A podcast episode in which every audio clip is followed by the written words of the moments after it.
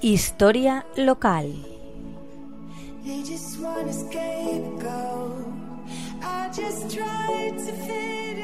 Buenas tardes, amigos de la Tegua Radio.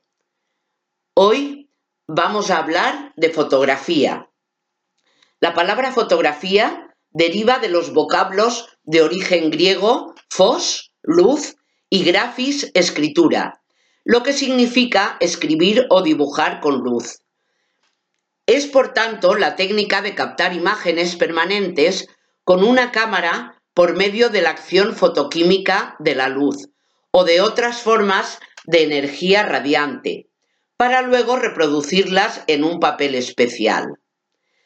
Después de esta preciosa definición, parecería conveniente dejar de escribir en el ordenador y pasarnos a escribir con luz, pero ante la falta de técnica seguiremos escribiendo normalmente.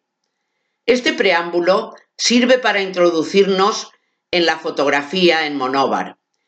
Vamos a hablar de uno de nuestros fotógrafos más entrañables, de José María Martínez Limorti, o Pepe Caneu, como era más conocido.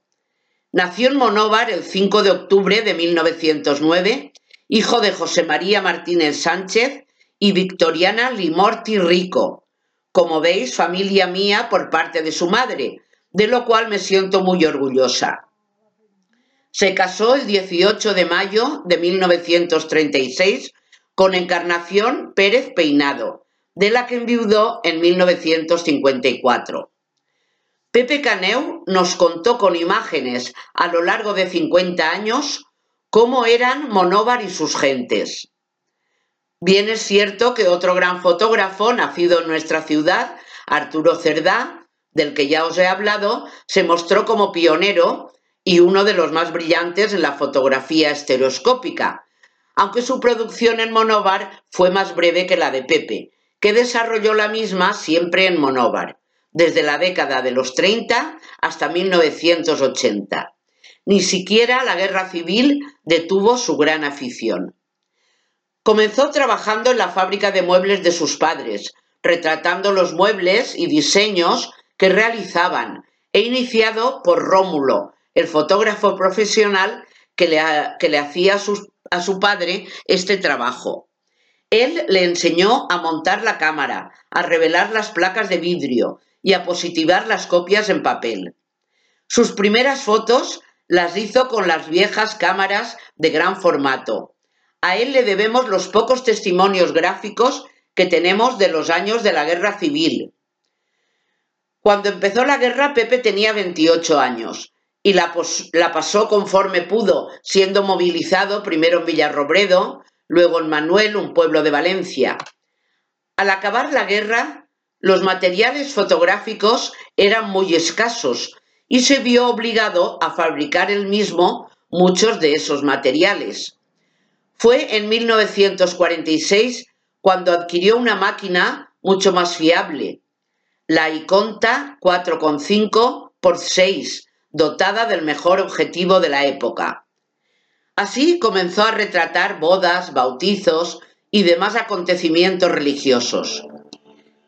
En los años 50 y 60 desarrolla una intensa actividad creativa, acompañado por sus discípulos Quitet Verdú, José Giner, Salvador Poveda y otros muchos, fotografiando todos los parajes de Monóvar, paisajes, mujeres trabajando, niños, viejos y toda clase de animales. Las técnicas mejoraban y en los años 50 adquirió la mejor máquina posible, una Rolleicord. En los 60 siguió mejorando sus máquinas, objetivos y ampliadoras, hasta que en 1971 unos amigos le trajeron de Suecia la flamante Hasselblad C con un objetivo planar de 80 milímetros, marca puntera que ya no abandonaría nunca. La última década de su vida fue la de máxima creatividad artística y en el Palera realizó sus mejores retratos. Yo misma fui retratada por él, de bebé en brazos de mi madre, con monóvar al fondo, y de adolescente en el palera.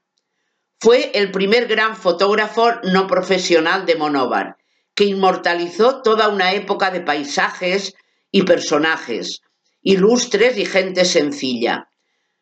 Su estilo peculiar y su fidelidad a la fotografía a lo largo del tiempo hizo que muchos monoveros se aficionaran a ella y la practicaran bajo sus enseñanzas. Creó una escuela de autodidactas basada en la más pulcra técnica fotográfica.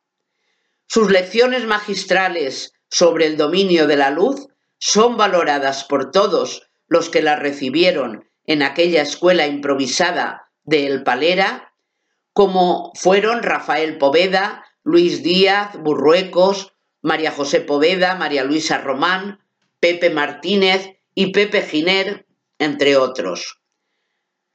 Así fue Pepe Caneu, un hombre de una personalidad arrolladora, genial y vanguardista, que se ganó la admiración de sus contemporáneos que le recuerdan con cariño, entre ellos su discípulo Rafael Poveda, del que hemos obtenido los datos para esta pequeña reseña. Aunque ya hemos dicho que su temática fue muy variada y abarca todos los géneros, sus retratos se consideran auténticas lecciones magistrales de dominio de la luz. En 1984 se hizo una exposición póstuma a iniciativa de su sobrino y discípulo Tito Martínez y en el 2009 se editó el libro Pepe Caneu, 50 años de fotografía. Pues hasta la semana que viene, amigos de la Tegua Radio. Muy buenas tardes.